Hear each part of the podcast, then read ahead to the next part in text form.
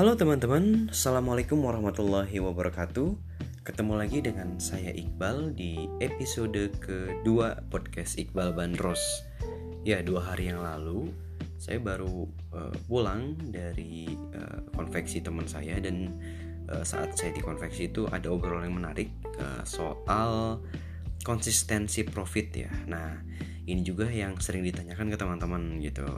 Kang Iqbal, uh, kenapa ya jualan hijab gitu. Itu ramenya di Ramadan aja gitu kan. Terus ada yang jualan tas ramenya di musim uh, kenaikan sekolah aja gitu kan. Nah ini uh, soal uh, multi produk ya. Jadi yang kami alami di Bandros selama lima tahun memang kami jualan uh, dari atas sampai bawah ya aparel. Jadi alhamdulillah ketika lebaran itu ya enggak Eh, turun-turun banget gitu kan ya. Bahkan relatif langsung ke kondisi normal gitu. Sedangkan banyak teman-teman yang eh, yang memang seperti biasa gitu. Jadi habis lebaran itu ya sepi gitu kan. Terutama yang bisnis busana muslim gitu.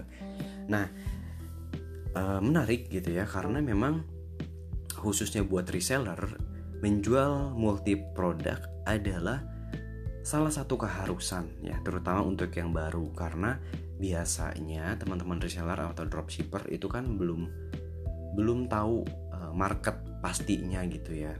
Jadi teman-teman masih mencari market, mencari pasar yang uh, uh, menurut pas untuk teman-teman gitu kan. Jadi kalau saya saran saya ke teman-teman reseller udah upload aja dulu gitu. Jual apa aja yang menurut teman-teman laku gitu kan. Atau jual yang sudah terbukti uh, best seller gitu kan. Nanti juga market yang akan menentukan uh, toko teman-teman ini atau toko teman-teman ini uh, spesialis di mana gitu. Jadi ada beberapa member yang jualan apa pun gitu. Ternyata ya ramenya di jas hujan gitu. Ya udah fokus di jas hujan gitu kan.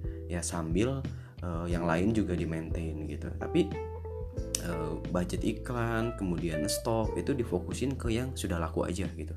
Ada juga yang ngupload jas hujan nih jas hujan lagi laku nih sehari ini bisa 100 piece 500 piece gitu. Tapi uh, si reseller ini ya uh, lakunya di kerudung sekolah aja gitu. Nah itu nggak bisa dipaksakan sih memang. Makanya untuk reseller multi produk adalah suatu keharusan kalau menurut saya. Jadi tapi ini nggak bisa digeneralisasi ya kalau saya bilang multi produk uh, harus bolu gada dong gitu kan. Tapi nggak juga. Eh, bisa juga kalau untuk teman-teman yang punya brand ya teman-teman bisa bikin brand extension gitu atau second brand yang me, me, apa menargetkan ke pasar lainnya gitu kan. Jadi misalkan ada yang uh, gamis anak kayak gitu kan. Terus jadi bikin yang dewasanya yang basicnya supaya nggak uh, versi basicnya supaya nggak uh, laku di momen-momen Ramadan aja misalkan gitu. Atau yang tadinya uh, jualan kurta uh, kemudian dia bikin brand extension atau second brand yang kurta jenis-jenis basic yang bisa dipakai daily dan lain-lain atau yang nggak berlaku juga tentu untuk yang misalnya produk kosmetik yang biasa dipakai uh, daily gitu kan. Nah jadi emang nggak bisa digeneralisasi sih teman-teman. Tapi uh, itu opsinya. Kalau reseller teman-teman bisa langsung aja deh jual apa pun yang teman-teman bisa jual gitu ya. Istilahnya vertikal gitu ya. Teman-teman bisa menjual multi produk gitu. tapi kalau yang punya brand ya, mungkin salah satunya adalah solusinya brand extension yaitu membuat uh, second brand gitu.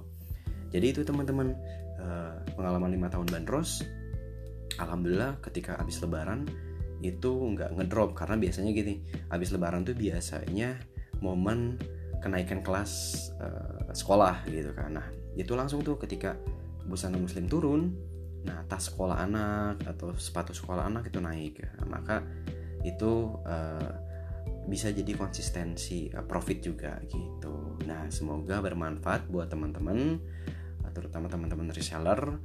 Sampai ketemu di podcast selanjutnya. Assalamualaikum warahmatullahi wabarakatuh